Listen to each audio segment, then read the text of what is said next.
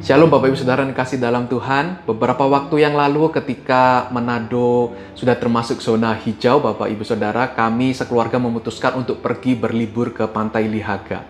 Karena perjalanan cukup jauh dan panjang, kami mengantisipasi dengan menyampaikan lebih dulu kepada anak-anak kami bahwa ini perjalanan akan bakal cukup panjang. Jadi kalian bersabar ya, nanti tempatnya bagus sekali. Mami Dedi itu sudah lihat fotonya ya. Mami Dedi sudah tahu ini tempatnya bakal menyenangkan. Jadi kalian bertahan.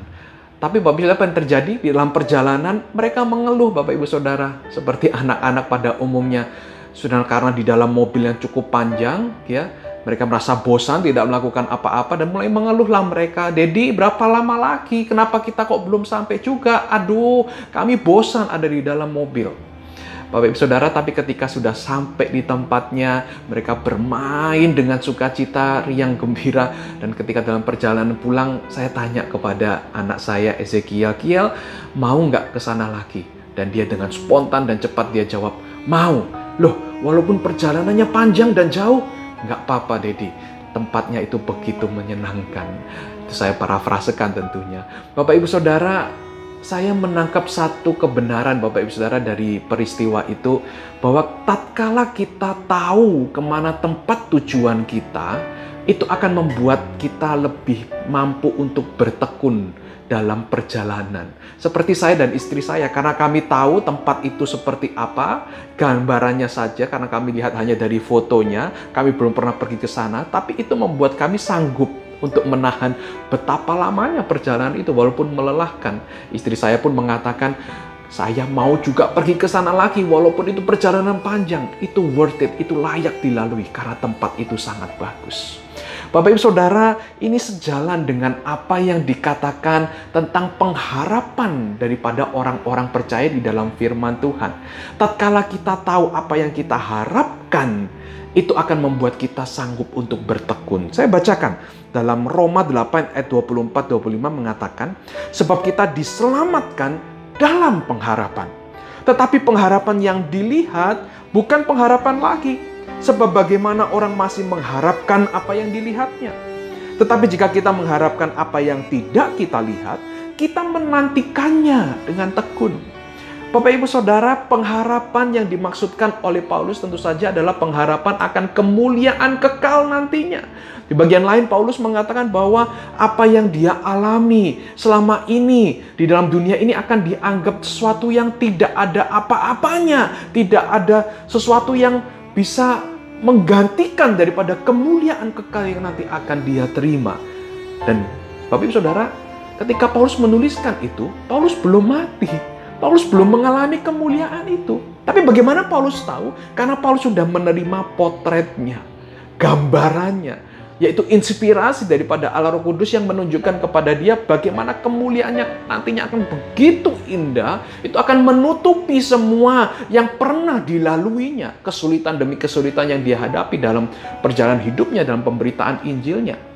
Dan Bapak Ibu Saudara, saya mau mengatakan dan menguatkan kepada kita, ini pengharapan yang sama yang kita miliki juga di dalam Yesus Kristus. Saya bacakan janji Yesus Kristus itu tidak hanya ada di dalam perjanjian baru saja, tapi sejak dalam perjanjian lama. Yesaya 25 ayat 8 mengatakan, Ia akan meniadakan maut untuk seterusnya, dan Tuhan Allah akan menghapuskan air mata daripada segala muka, dan aib umatnya akan dijauhkannya dari seluruh bumi sebab Tuhan telah mengatakannya. Ini berbicara apa Bapak Ibu Saudara? Inilah potret tentang surga nanti. Tidak akan ada air mata. Dan ini kembali diulang kembali dipotret dan potretnya itu diberikan kepada kita yaitu dalam Wahyu 21 ayat 4 dan ia akan menghapus segala air mata dari mata mereka dan mau tidak akan ada lagi tidak akan ada lagi perkabungan atau ratap tangis atau duka cita sebab segala sesuatu yang lama itu telah berlalu. Bapak Saudara saya berpikir seperti ini. Kenapa ya Allah memberikan ayat firman Tuhan ini terus terpelihara sampai pada kita orang percaya hari, hari ini? Kenapa sih Allah memberikan potret tentang surga? Kenapa kita diberikan pengharapan keberadaan Allah di surga yang seperti ini nantinya? Tidak akan ada ratap tangis dan air mata. Jawabannya cuma satu Bapak Ibu Saudara. Supaya kita bisa bertekun di dalam perjalanan hidup kita. Bapak Ibu Saudara, memang situasi di tengah pandemi ini sulit. Kita mendapati orang yang sangat kita kasihi, kerabat kita, bahkan anggota keluarga kita, pasangan kita, anak kita, bahkan orang tua kita meninggal dunia karena COVID. Itu suatu hal yang memilukan. Tapi tetaplah bertahan. Bertahan kenapa? Karena ada pengharapan. Pengharapan bahwa satu kali kelak kita akan berjumpa dengan pencipta kita dan kepada semua orang yang percaya kepada nama Yesus Kristus akan bertemu. Akan ada reuni di sana. Tidak akan ada lagi ratap tangis dan air mata. Pengharapan ini yang kita pegang. Potret surga itu yang menjadi pengharapan kita Bapak Ibu Saudara. Supaya kita mampu apa? Menjalani perjalanan yang kita tidak tahu berapa lama Tuhan izinkan. Tapi percayalah ini hanya sementara dan kita pegang janji firman Tuhan dan Paulus mengatakan bahwa perjalanan yang begitu panjang keluhan-keluhan di dunia ini tidak akan bisa menggantikan atau bahkan tidak akan ada artinya apa-apa dibandingkan dengan kemuliaan kekal yang nanti akan kita dapatkan, yang akan kita terima di dalam Yesus Kristus. Kiranya firman Tuhan ini menguatkan kita, kita punya pengharapan sebagai orang-orang percaya. Amin.